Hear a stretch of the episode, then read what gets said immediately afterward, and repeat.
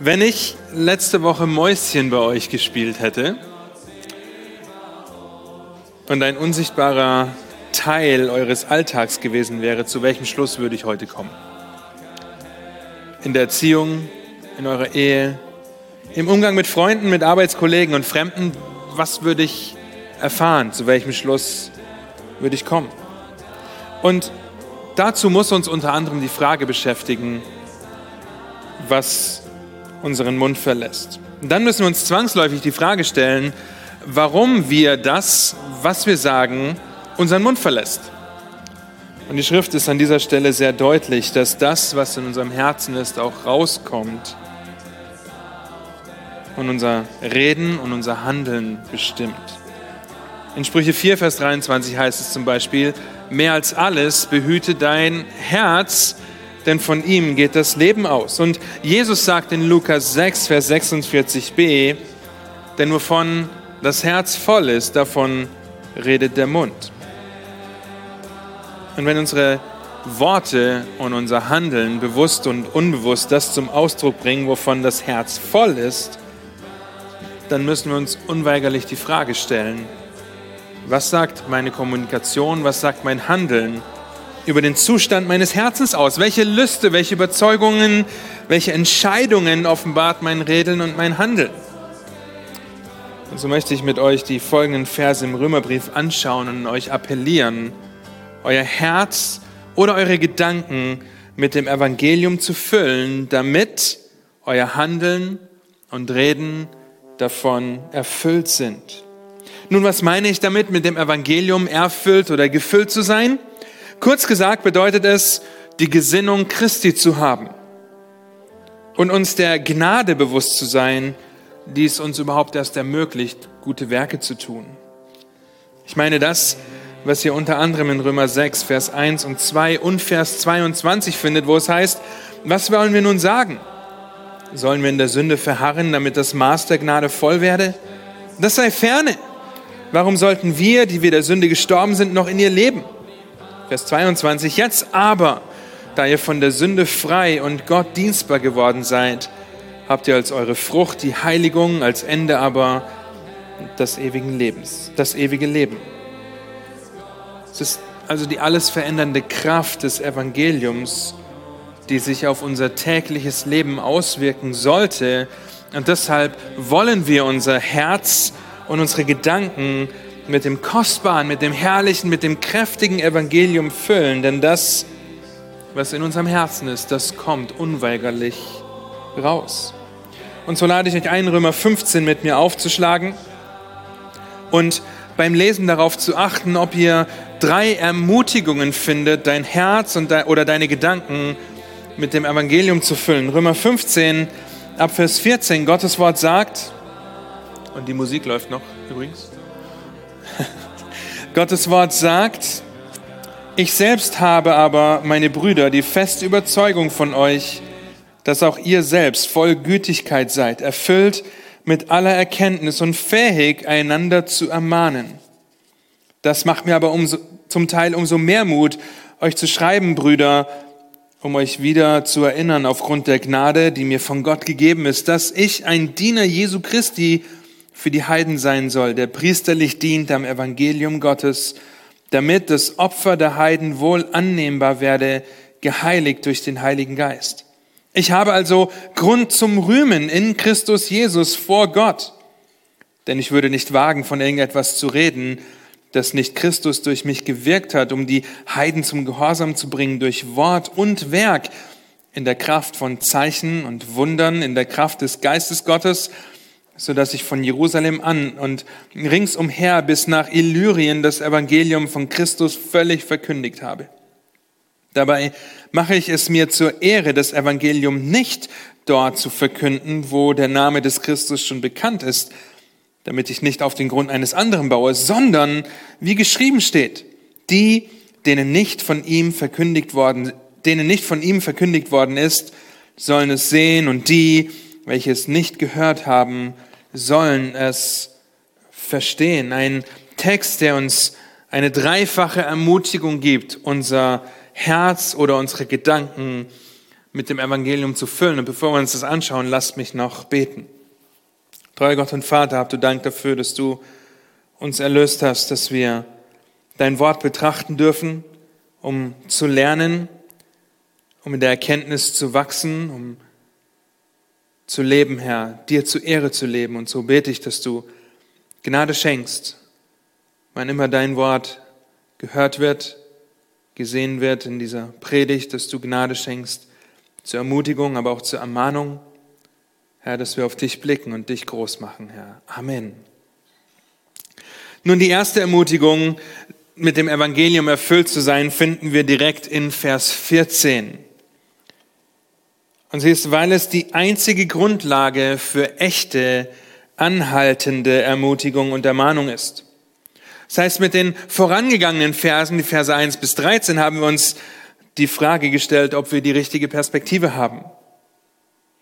Wir haben gesehen, dass wir laut Vers 5 einen Gott des Ausharrens und des Trostes haben.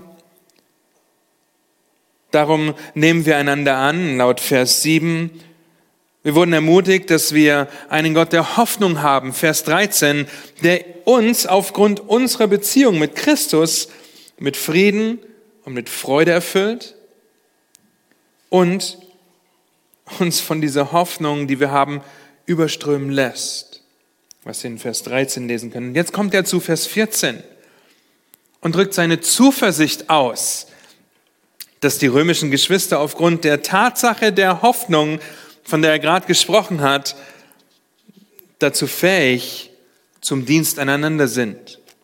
Wenngleich die Geschwister nie äh, persönlichen Kontakt mit Paulus hatten, weil er sie noch nie besucht hat, war Paulus davon überzeugt, dass es sich um eine gesunde Gemeinde gehandelt hat, in der die Geschwister voll Gütigkeit und voller Kenntnis waren und damit fähig, einander zu ermahnen. Nun, die, die Überzeugung, dass sie fähig sind, einander zu ermahnen, ist ein sehr gewichtiger Punkt in diesem Vers. Deshalb ziehen wir ihn auch an den Anfang dieses Hauptpunktes. Die Geschwister in Rom waren nicht alle Älteste, sie waren nicht alle Diakone, sie waren nicht alle Lehrer in einer Bibelschule oder in einer anderen Verantwortungsposition innerhalb der Gemeinde oder einem christlichen Werk. Nein, sie waren Geschwister untereinander mit der Fähigkeit, einander zu ermahnen. Nutheteo im Griechischen ist das Wort, das hier steht für ermahnen. Und das beinhaltet den Gedanken der Ermutigung, der Warnung, der Ermahnung und des Ratgebens. Es ist ein sehr umfassender Begriff, um die Sorge um die Seele oder die Seelsorge zu beschreiben. Es ist ein sehr umfassender Begriff, um die Liebe zum Nächsten zu demonstrieren. Es bedeutet, einem Bruder oder einer Schwester mit den Aussagen und Prinzipien der Schrift an die Seite zu kommen, um ihnen ganz praktisch dabei zu helfen, Gottes Wort in ihrem Leben umzusetzen und ihr Leben im Licht von Gottes Absicht mit Christus zu verknüpfen, abhängig von Christus zu leben. Und das ist ein Aufruf an jeden einzelnen von uns. An jeden, der von sich sagt, ich bin ein Kind Gottes.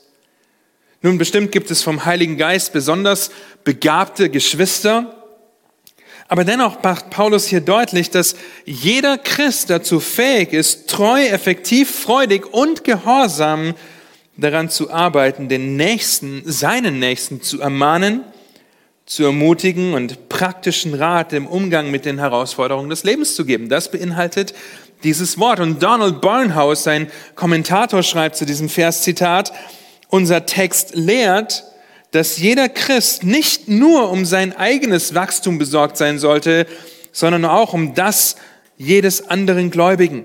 Aber in vielen unserer Gemeinden wäre es den Menschen peinlich, wenn geistliche Themen zu anderen als den offiziellen Zeiten besprochen werden könnten. Oh, oh, es ist durchaus angemessen, ein 15-sekündiges Gebet vor einer einstündigen Mahlzeit zu reden oder einen Prediger einzuladen, der eine Studie über den Zustand der ungläubigen Heiden einleitet. Aber viele Gläubige denken, dass ein allgemeines Gespräch über geistliche Dinge einen schlechten Beigeschmack hat. Wie viele Christen kennen den Herrn gut genug, um seine Ziele für unser tägliches Leben zu kennen? Und wie viele Christen kennen ihre Geschwister gut genug, um frei über ihn zu sprechen? Zitat Ende.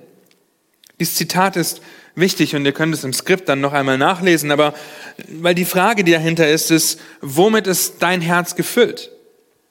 Und wenn es nicht mit den Wahrheiten, mit den Prinzipien der Schrift, der guten Botschaft erfüllt ist, durchtränkt ist, deinem Nächsten mit Rat und Tat zur Seite zu stehen, dann findest du dich genau in diesem Zitat wieder. Aber jetzt könnte jemand sagen, okay, wenn ich das machen soll, dann ermahne ich einfach mit dem, was ich weiß, mit dem, was ich denke, dass es gut ist und mache das auf eine Art und Weise, wie sie mir gefällt. Oder ich bin mir total sicher, was die Schrift sagt, weil ich vielleicht gut darin belehrt wurde, was die Bedeutung des Textes ist, aber stehe in der Gefahr, das Ganze lieblos, harsch durch Rat und Wort weiterzugeben. Aber ihr Lieben, wenn es die Überzeugung von Paulus ist, dass die Geschwister in Rom fähig sind, einander zu ermahnen, dann geht das nicht ohne die Voraussetzungen, von denen er vorher schreibt. Und diese Voraussetzungen zeigen den Geschwistern auf, dass sie diese Ermahnung in Gütigkeit und mit aller Erkenntnis tun sollen. In Epheser 4, Vers 15 heißt es, sie sollen die Wahrheit in Liebe reden. Und so ist gleich die erste Voraussetzung, dass sie voll Gütigkeit sind. Aber in Römer 7, Vers 18 und 19 schreibt Paulus doch, dass in mir nichts Gutes wohnt und wir das Gute nicht tun, oder nicht? Gleichzeitig erinnern wir uns vielleicht an die Worte Jesu, der sagt, niemand ist gut als Gott allein. Also wie kann er das schreiben, dass die Römer voll Gütigkeit waren, dass sie gut waren? Nun, wenn die Römer voll Gütigkeit waren, dann bedeutet das, dass sie erfüllt waren mit dem Heiligen Geist. Denn die Frucht des Geistes beinhaltet unter anderem Güte. Diese Güte hat Gott uns in unserer Errettung erwiesen, zugesprochen in seiner Gnade und uns mit dem Heiligen Geist versiegelt. Das heißt, voll Gütigkeit zu sein bedeutet, sein Vertrauen und sein Glauben zunächst auf den Herrn Jesus Christus gesetzt zu haben und jetzt aus tiefster Dankbarkeit heraus diese Güte, die mir widerfahren ist, auszuleben. Das Bestreben der Römer war es schon, weil Paulus die Überzeugung davon hat, den guten und wohlgefälligen Willen Gottes zu erforschen, damit sie so einander ermahnen. Aber nur gütig zu sein, reicht nicht, den anderen zu ermahnen und zu ermutigen. Paulus ist auch davon überzeugt, dass sie erfüllt sind mit aller Erkenntnis. Ginosko im Griechischen. Ein Wort, das wir schon kennen und das wir häufig lesen.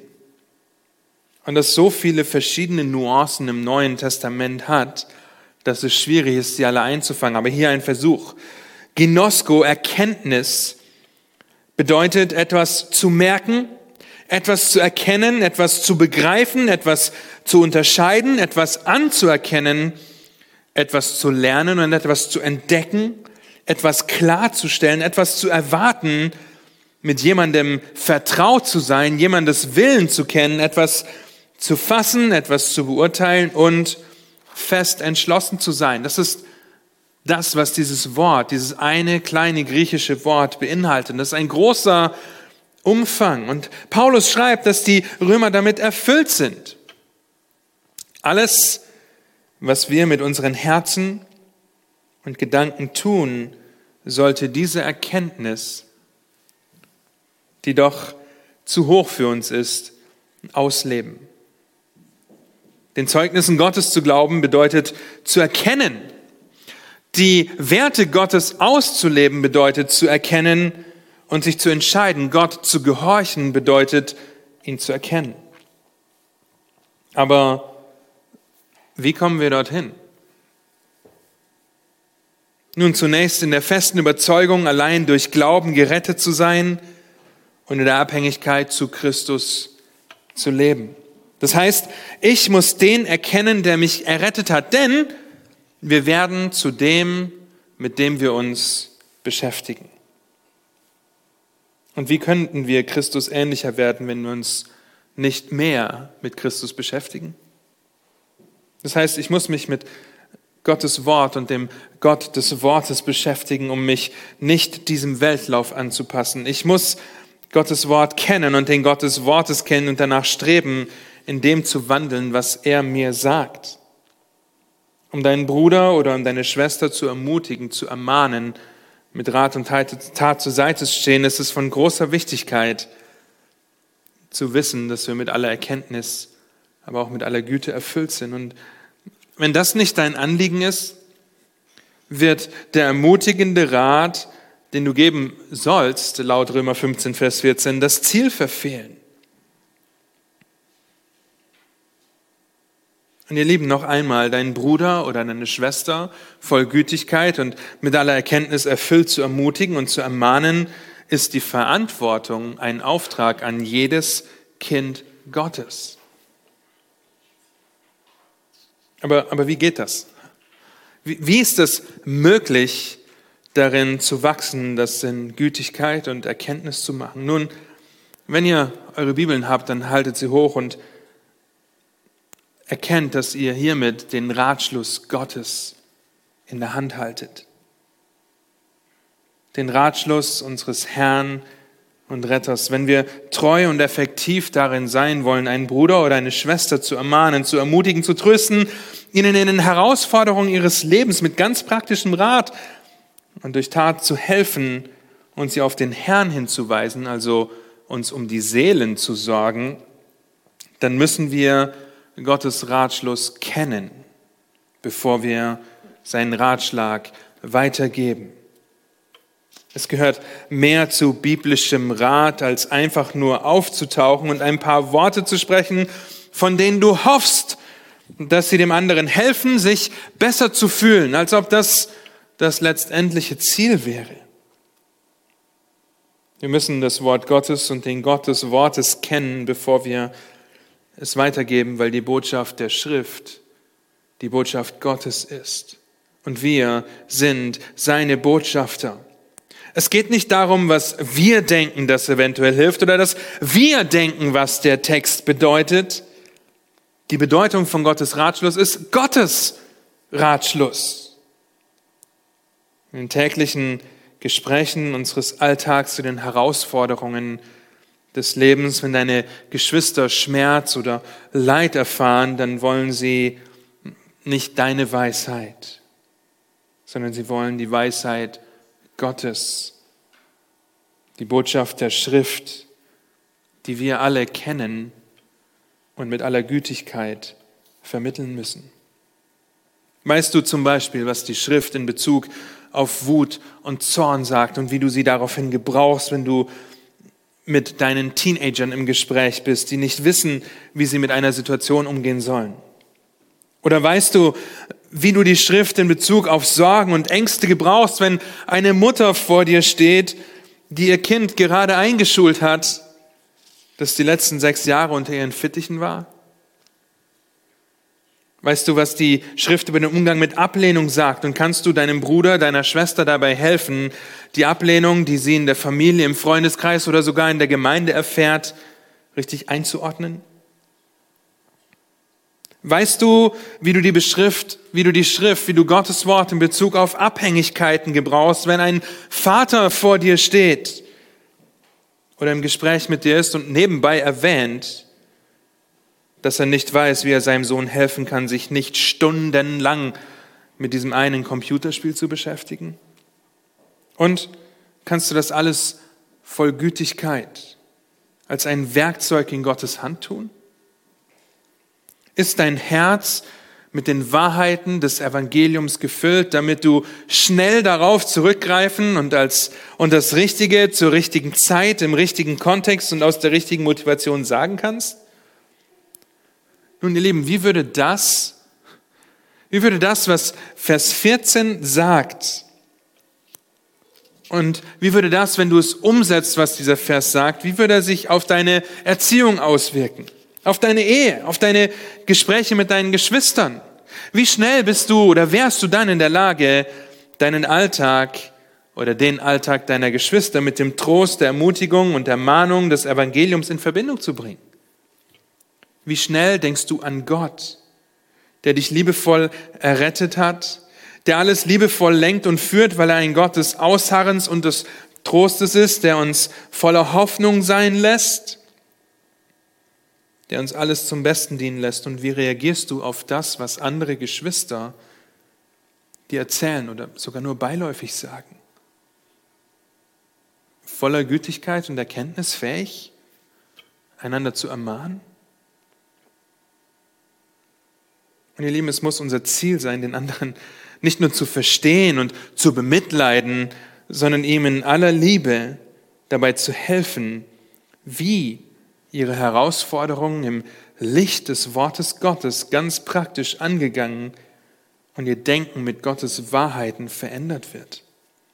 Deshalb fülle dein Herz mit dem Evangelium, denn es ist die einzige Grundlage für echte und anhaltende Ermutigung und Ermahnung. In Versen 15 bis 17 kommen wir zur zweiten Ermutigung, uns mit dem Evangelium zu füllen, weil wir uns täglich daran erinnern müssen. Mit Vers 15 leitet Paulus die abschließenden Worte seines Briefes an die Römer ein. Und was Paulus hier nicht sagt, wie es die Schlachter übersetzt hat, ist, dass ihm Mut gemacht wurde zu schreiben, sondern Vielmehr, dass er sehr mutig im Sinne von rückhaltlos oder im Sinne von sehr direkt geschrieben hat.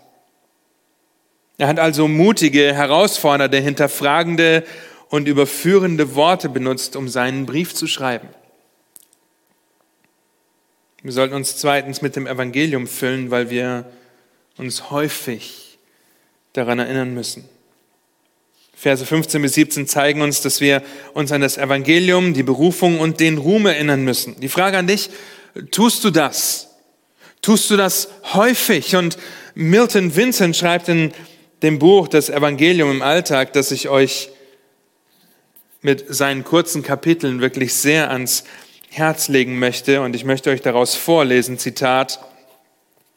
Da heißt es, durch das Evangelium macht Gott mich täglich mehr zu dem, was ich sein soll. Das Evangelium ist auch der Weg, auf dem Gott mir jeden Tag meines Lebens als Christ mein Erbe gibt. Daher kann man sagen, dass das Evangelium alles enthält, was zum Leben und zum Wandel in Gottes Furcht nötig ist. Aus diesem Grund fordert Gott uns dazu auf, alle Zeit im Evangelium gegründet und fest zu bleiben und uns nicht davon abbringen zu lassen. Lassen wir uns nicht davon abbringen und lassen wir uns in unserem Text sehen, woran besonders Paulus sich erinnert. Paulus hat den Römern also sehr direkte, mutige Worte geschrieben, um sie zu erinnern. Und zunächst erinnert sie, er sie an das Evangelium. Und hier blickt Paulus auf das zurück, was er gerade erst geschrieben hat. Und dazu müssen wir verstehen, dass dieser Brief am Stück vorgelesen wurde und nicht in anderthalb Jahren ausgelegt wurde. Das heißt, die Freude an der Wahrheit des Evangeliums, wie wir diesen Brief überschrieben haben, ist den römischen Geschwistern sehr lebendig vor Augen.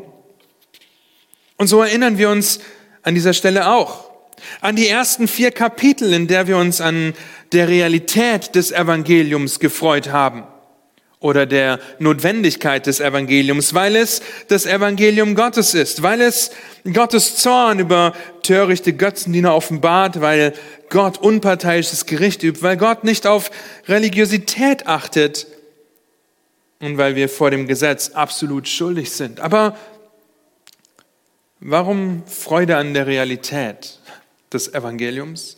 Wenn es in Römer 3 heißt, keiner ist gerecht, auch nicht einer. Warum Freude an der Realität? Nun Römer 3, Vers 21 und folgende, weil in Christus die Gerechtigkeit Gottes offenbar gemacht worden ist. Freude an der Realität, weil Gott Christus zum Sühnopfer bestimmt hat, das wirksam wird durch den Glauben an sein Blut. Und weil uns diese Gerechtigkeit durch Glauben angerechnet, gut geschrieben oder zugesprochen wird. Dann geht Paulus zur Freude an der Sicherheit des Evangeliums über. Weil unsere Errettung absolut sicher ist, Römer 5, weil Einheit mit Christus zu Veränderung führt, Römer 6, weil das Gesetz richtig eingeordnet werden kann, Römer 7, weil wir neues, hoffnungsvolles und sicheres Leben in Christus haben, Römer 8, wenn Paulus in Römer 8, Vers 1 schreibt, so gibt es jetzt keine Verdammnis mehr für die, welche in Christus Jesus sind absolute Sicherheit und die damit verbundene Freude am Evangelium. Daran müssen wir uns häufig erinnern. Die Freude an der Verteidigung des Evangeliums hat Paulus in den Kapiteln 9 bis 11 aufgezeigt. Freude an der Verteidigung, weil Gott einen Platz für uns in seinem souveränen Plan hat, weil es in Gottes souveränen Plan um Gott selbst geht weil es Gottes souveräner Rettungsplan ist, Römer 10, und weil Gott absolut und souverän in seiner Treue ist, Römer Kapitel 11. So haben wir in diesem Abschnitt die Verteidigung anhand der brillanten Abhandlung und Aneinanderreihung des Alten Testaments gesehen und können nur staunen mit Paulus abschließend sagen, oh, welche Tiefe des Reichtums sowohl der Weisheit als auch der Erkenntnis Gottes. Erinnere dich häufig an das Evangelium, so wie Paulus die Römer erinnert.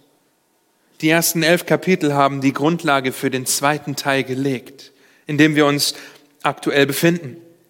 Die Freude an der Anwendung des Evangeliums. Warum? Weil wir im Licht der Wahrheiten der ersten elf Kapitel demütigen Gottesdienst üben wollen, weil wir unsere Liebe zum Ausdruck bringen wollen, weil wir anständig leben wollen, weil wir Baumeister sein wollen, die richtige Perspektive haben wollen. Daran erinnert Paulus, um sie daran zu erinnern, ihre Freude an der Wahrheit des Evangeliums zu haben. Darum hat Paulus geschrieben. Ihr Lieben, um noch einmal Milton Vincent zu zitieren, er schreibt in seiner Einleitung, Gott gab uns sein Evangelium nicht nur, damit wir es annehmen und errettet werden, sondern er bietet uns es auch jeden Tag neu, neu als ein Geschenk, durch das wir jeden Tag alles erhalten, was wir zum Leben und zum Wandeln in der Gottesfurcht brauchen. Glauben wir das?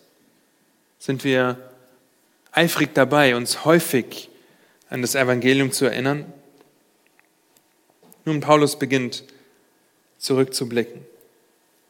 Er erinnert sie an seine eigene Berufung aufgrund der Gnade, die mir von Gott gegeben ist, schreibt in 15b. Und so müssen auch wir häufig uns an unsere Berufung erinnern. Paulus ist Gnade von Gott gegeben worden. Und wir sehen durch die Schrift hindurch, dass diese unverdiente Gunst jedem widerfahren ist, der glaubt, also auch dir und mir. Gnade von Gott. Deshalb ist Paulus auch, wenn ihr euch an Römer 1 erinnert, ein Sklave für das Evangelium, der begnadigt ist zum Aposteldienst und ein Schuldner, das Evangelium den Heiden zu verkünden. Diese Gnade kommt von Gott allein.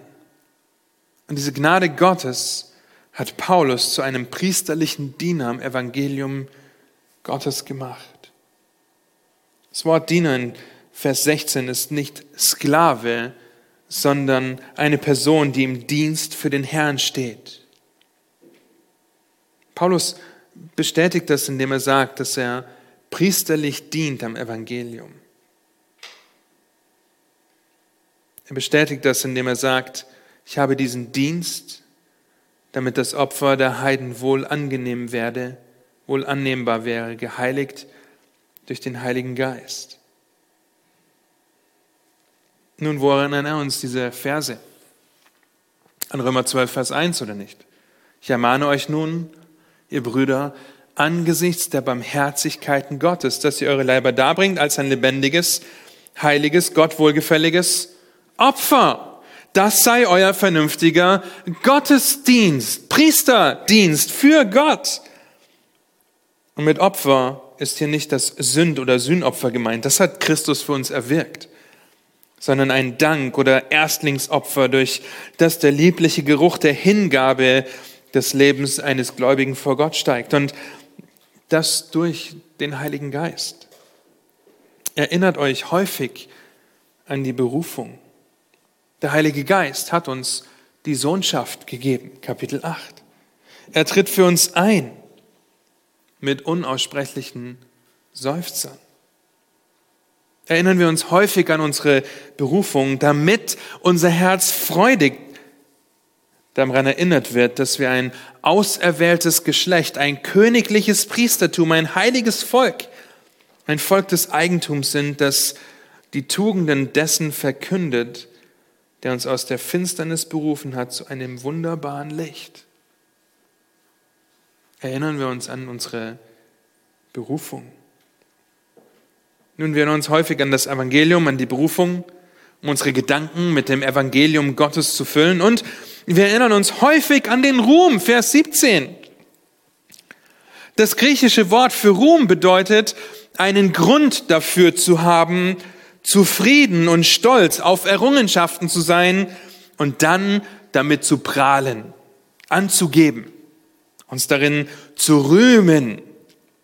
Aber blicken wir zurück, dann stellen wir fest, dass der Mensch viel zu schnell dazu geneigt ist, sich selbst zu rühmen. Der Mensch hält sich selbst für weise, Römer 1. Er hat Freude am Bösen, auch Römer 1. Und er rühmt sich, dass er so toll sei, Römer 2. Und dann lesen wir in Kapitel 3, Vers 27, wo bleibt nun das Rühmen? Es ist ausgeschlossen. Seht ihr, wir haben keinen Grund, keinen eigenen Verdienst, keine eigene Errungenschaft, nichts aus eigener Kraft erreicht, derer wir uns jemals rühmen könnten. Und doch, und doch vergessen wir das viel zu oft, oder nicht? Denken viel zu oft höher, als es sich zu denken gebührt von uns selbst, sind aufgeblasen und bilden uns etwas ein, werden zornig und wütend, wenn etwas nicht so läuft, wie wir uns das vorstellen. Das Rühmen ist ausgeschlossen. Paulus schreibt weiter, 3,27, durch welches Gesetz? Durch das der Werke? Nein. Und dann sagt er, sondern durch das Gesetz des Glaubens. Und dann blättern wir zwei Kapitel weiter zu Römer 5, diesem wunderbaren Kapitel über das Ausharren und die Hoffnung. Darin beschreibt Paulus, was unser Ruhm ist, worauf wir stolz sein und zufrieden blicken können und womit wir angeben und prahlen können. Schaut euch das an, Römer 5, Verse 10 und 11, wo es heißt, denn wenn wir mit Gott versöhnt worden sind durch den Tod seines Sohnes, als wir noch Feinde waren, wie viel mehr werden wir als Versöhnte gerettet werden durch sein Leben? Aber nicht nur das, sondern wir rühmen uns auch Gottes durch unseren Herrn Jesus Christus, durch den wir jetzt die Versöhnung empfangen haben. Ihr Lieben, rühmen können wir uns nur einzig und allein aufgrund der Errungenschaft eines anderen. Eines anderen. So ist Christus unser einziger Ruhm. In dem der gnädig errettet hat in dem der geheiligt hat und heiligt, in dem der abgesondert hat für den priesterlichen Dienst. Das hat er mit Paulus getan, das tut er mit den Römern, das tut er mit uns. Deshalb sucht Paulus seine ganze Ehre, seinen ganzen Ruhm darin, das Evangelium zu verkündigen. Ist das dein Ruhm? Und wenn nicht, wenn du Christus noch nicht zu deinem Ruhm gemacht hast, auf welche Errungenschaften baust du? Deine eigenen Vorstellungen? Die Vorstellung eines anderen? Wenn es nicht Christus ist, dann ist es ein Konstrukt deiner Einbildung, die letztendlich zu dem verurteilenden Gericht führt, von dem wir in Römer 3 lesen.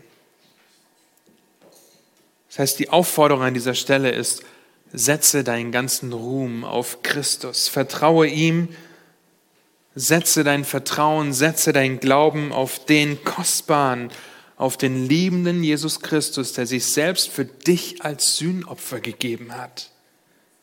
Denn er ist der einzige Ruhm. Er ist der einzige Halt. Er ist der einzige Eckstein und er ist der einzige feste Grund.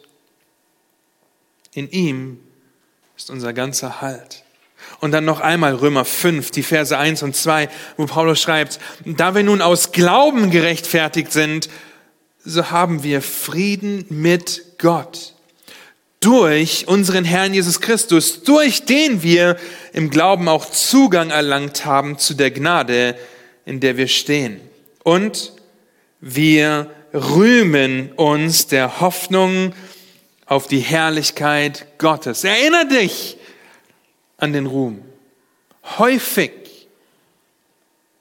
Wir müssen uns häufig an diese Wahrheiten erinnern, wenn wir unser Herz und unsere Gedanken mit dem Evangelium füllen wollen und als sichtbare Repräsentanten des unsichtbaren Gottes, als seine Botschafter und Baumeister,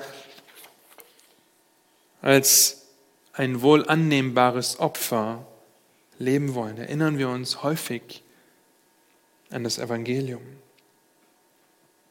Drei ermutigen drei ermutigende Gedanken, dein Herz und deine Gedanken mit dem Evangelium zu füllen. Das ist die einzige Grundlage für echten Anhalt, echte und anhaltende Ermutigung und Ermahnung. Und wir müssen uns häufig daran erinnern. Und die dritte Ermutigung finden wir in den Versen 18 bis 21, weil jeder es von dir hören und in deinem Leben sehen muss. Der Auftrag von Paulus war es, das Evangelium den Heiden zu verkündigen und dabei viel um des Namens Jesu willen zu leiden. Und das, das war die Leidenschaft, das war das Anliegen von Paulus, wie wir in diesen Versen sehen. Er macht deutlich, dass es um Christus allein geht. Und das durch Wort und Werk, aber in seinem Fall auch durch Zeichen und Wunder und dass er das Evangelium überall verkündigt hat, vor allem dort, wo es noch nie vorher gepredigt wurde. In den Versen 18 und 19 sehen wir, dass Paulus Christus allein verkündigt. Christus allein. Ich würde es nicht wagen, von irgendetwas zu reden, das nicht Christus durch mich gewirkt hat, durch, um die Heiden zum Gehorsam zu bringen durch Wort und Werk. Etwas anderes als Christus kann nicht zum Gehorsam, zum rettenden Glauben führen. Und er tut das aber nicht nur durch seine Worte, sondern durch sein Leben. Die persönliche Evangelisation deiner Nachbarn, deiner Freunde, Familie und Arbeitskollegen geschieht nicht nur durch deine Worte. Sie geschieht durch dein Lebenszeugnis. Unser Vorbild im Wort und im Wandel soll Christus allein, sollte Christus allein verkündigen. Und damit einhergehen zwei Gefahren, in die wir uns begeben können oder nicht. Die erste wäre zu sagen, ah, die Leute müssen das nur an meinem Leben sehen. Ich muss ihnen nicht erzählen, dass ich gläubig bin. Ich muss ihnen nicht das Evangelium verkündigen. Ich zeige es einfach durch meinen guten Wandel.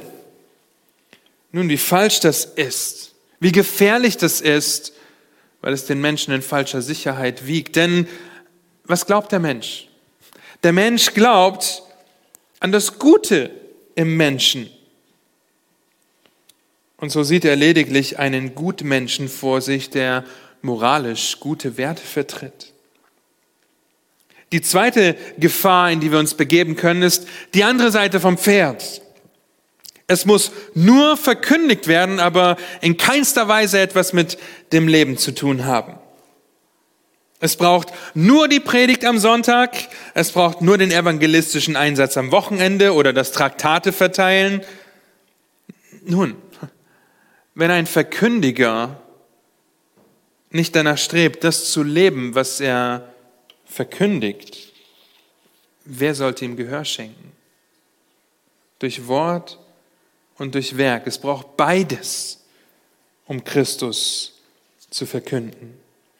Und das macht Paulus hier deutlich. Wenn gleich wir nicht dieselbe, exakt gleiche Berufung haben, die Paulus hatte, wie ihr in Apostelgeschichte 9 nachlesen könnt, sind wir trotzdem dazu aufgerufen, Christus allein gelehrt und gelebt zu verkündigen.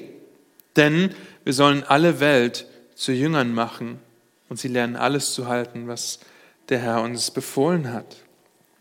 John Stott sagt dazu, Zitat, die Kombination von Worten und Werken, von verbalem und visuellem zeigt, dass der Mensch oft mehr mit den Augen als mit den Ohren lernt. Die Worte erklären die Werke, aber die Werke verleihen den Worten Gewicht. Oh, wie wahr das ist. Der Spruch, den alle Eltern kennen. Du kannst deinen Kindern viel erzählen, sie machen dir doch alles nach.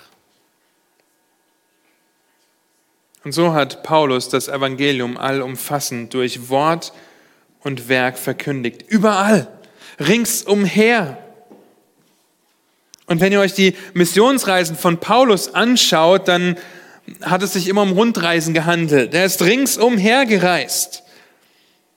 Und dabei ist Paulus extrem strategisch vorgegangen und hat sich die Großstädte rausgepickt, die an strategisch zentralen Orten waren, sich ausgesucht, um dort das Evangelium zu verkündigen. Wir denken an Ephesus, wir denken an Korinth, wir denken an Athen, an Thessaloniki, wir denken an so viele weitere Städte, um dort das Evangelium durch Wort und Tat, im Fall von Paulus auch durch Zeichen und Wunder, die seine Autorität bestätigten, in der Kraft des Geistes das Evangelium zu verkündigen. Und aus den in diesen großen zentralen Städten entstandenen Gemeinden haben sich andere Gemeinden gebildet. Und so denken wir an diese wichtigen Handelsstädte, denken an die ganzen Gemeinden in Galatien, die sich dadurch entwickelt haben.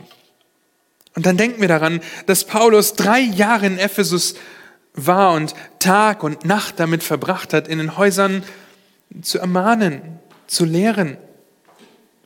Römer 15, Vers 14 in die Tat umzusetzen. Christus allein. Wir denken an die Thessalonicher, von denen er schreibt, dass er sich nach ihnen sehnt und sie liebt, wie eine Mutter ihr Kind mit Muttermilch versorgt. Wort und Werk. Verkündigst du Christus allein durch Wort und Werk? Würden deine Kinder, die dieses Zeugnis ausstellen, wenn ich sie heute fragen würde? Würden deine Nachbarn, die dieses Zeugnis ausstellen, deine Kollegen? Fordern wir die Menschen durch unseren Wandel und durch unsere Worte auf, Gott gehorsam zu sein? Ihre Knie vor Gott zu beugen, dem Evangelium von Christus, der sich selbst für uns gegeben hat, weil er uns so sehr liebt, zu glauben, zu vertrauen? Christus allein gelehrt und gelebt. Und dann finden wir in den Versen 20 und 21 die Motivation, die Vision, den Auftrag, den Leitgedanken von Paulus und seinem Dienst. So wollte er den von Gott übergebenen Auftrag ausführen. Dort, wo es noch keine Gemeinden gab. In die Winkel zu gehen, in denen das Evangelium noch nicht vorgedrungen ist. Dieses Anliegen findet ihr zum Beispiel in Korinther 1 wenn er an die Korinther schreibt, dass er das Evangelium verkündigt. Und wenn er voraussichtlich sich gerade in Korinth befindet, als er den Römerbrief schreibt. Es war das Anliegen von Paulus zu evangelisieren, damit Gemeinden entstehen. Und so hatte Paulus einen konkreten Plan, ein Ziel vor Augen, Gott auch dort zu verkündigen, wo er noch nicht bekannt ist, Christus dort groß zu machen, wohin sein Name noch nicht vorgedrungen ist. Nun, viele Missionare heute haben einen Leitvers, der sie in ihrem Dienst begleitet. Unsere Unterstützer bei der Kontaktmission finden bei uns regelmäßig 2. Timotheus 2, Vers 2. Aber was war der Leitvers von Paulus?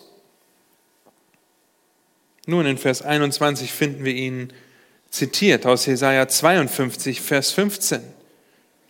In Jesaja 52 geht es ab Vers 13 um die Verkündigung des Messias und direkt danach folgen uns die so liebgewonnenen Verse aus Jesaja 53. Da heißt es, Jesaja 52 ab Vers 13, siehe, mein Knecht wird einsichtig handeln, er wird erhoben sein. Der Knecht ist Christus an dieser Stelle, erhöht werden und sehr erhaben sein. Gleich wie sich viele über dich entsetzen, so sehr war sein Angesicht entstellt, mehr als das irgendeines Mannes und seine Gestalt, mehr als die der Menschenkinder. Genauso wird er viele Heidenvölker in Erstaunen setzen und Könige werden vor ihm den Mund schließen. Denn was ihnen nie erzählt worden war, das werden sie sehen. Und was sie nie gehört hatten, das werden sie wahrnehmen. In Vers 21 in Römer 15 schreibt Paulus, die, denen nicht von ihm verkündigt worden ist, sollen es sehen und die, welche es nicht gehört haben, sollen es verstehen. Paulus macht diesen Vers, diesen Gedanken, Christus, den Gekreuzigten und den Erhöhten zu verkündigen, zu seinem Leitvers. Paulus verkündigt das Evangelium mit allen Mitteln. Davon war sein Herz erfüllt. Mit diesem wunderbaren Evangelium von seinem wunderbaren Herrn und Retter, für den zu sterben, es für Paulus ein Gewinn wäre. Und Paulus schreibt diese Worte nicht einfach nur als netten Vorschlag. Er schreibt mit der Autorität Christi. Damit fordert er nicht nur die Gläubigen des ersten sondern auch die des 21. Jahrhunderts auf, fröhlich, demütig und hingegeben das Evangelium zu lehren und zu leben, fröhlich, demütig und hingegeben sein Herz mit dem Evangelium zu füllen, damit wir uns täglich oder häufig daran freuen können, dass wir uns daran freuen können, dass ein Leben mit dem Evangelium im Zentrum dazu führt, dass wir einander ermahnen. Sein Leben mit dem Evangelium im Zentrum dazu führt, dass wir uns häufig daran erinnern und dass sein Leben dazu, mit dem Evangelium im Zentrum dazu führt, Christus allein durch unsere Worte und durch unsere Werke zu verkündigen, weil jeder das Evangelium braucht. Ob gerettet oder nicht, wir brauchen das Evangelium, die gute Botschaft, dass wir versöhnt sind mit Gott und dass wir dadurch alles haben, was für ein Leben und Wandel in Gottesfurcht nötig ist. Und danach wollen wir streben. Und deshalb müssen wir das Evangelium häufig hören, die Wahrheiten und Prinzipien des Evangeliums, das wir in der gesamten Schrift, die wir in der gesamten Schrift finden, häufig uns in Erinnerung rufen, damit unser Herz und unsere Gedanken von ihm, von dem Evangelium erfüllt sind. Deshalb die Frage an, an dich. Bist du mit dem Evangelium erfüllt? Amen. Lass mich noch beten. Herr, habt du Dank dafür, dass wir dein Wort aufschlagen dürfen, um so ermutigt, so ermahnt, so angespornt werden zu dürfen durch die Wahrheiten des Evangeliums, dass wir uns so an diesen Wahrheiten freuen dürfen, dass wir lernen dürfen, uns daran zu erinnern, lernen dürfen, unser Herz mit deinem Wort zu füllen, damit wir zueinander reden und singen können mit Psalmen und Liedern und Lobgesängen, dass wir dich erhöhen können, aber auch mit Rat und Tat einander zur Seite stehen können, die Lasten voneinander tragen können, damit du dadurch die Ehre bekommst, Jesus Christus, und wir ein wohl annehmbares Opfer für Gott sind, das unser vernünftiger Gottesdienst sein soll. Und so bete ich, dass du uns überführst, ermahnst, da wo wir darin versagen, unsere Herzen, unsere Gedanken mit dem Evangelium zu, erfüllen und dass du uns dabei hilfst, uns häufig durch diese Ermutigungen daran zu erinnern, damit du groß gemacht wirst und die Ehre bekommst und dein Leib wächst und standhaft wird, ausharrt und sich in dieser Hoffnung rühmen kann, die wir aufgrund deiner Erlösung haben, Herr. Amen.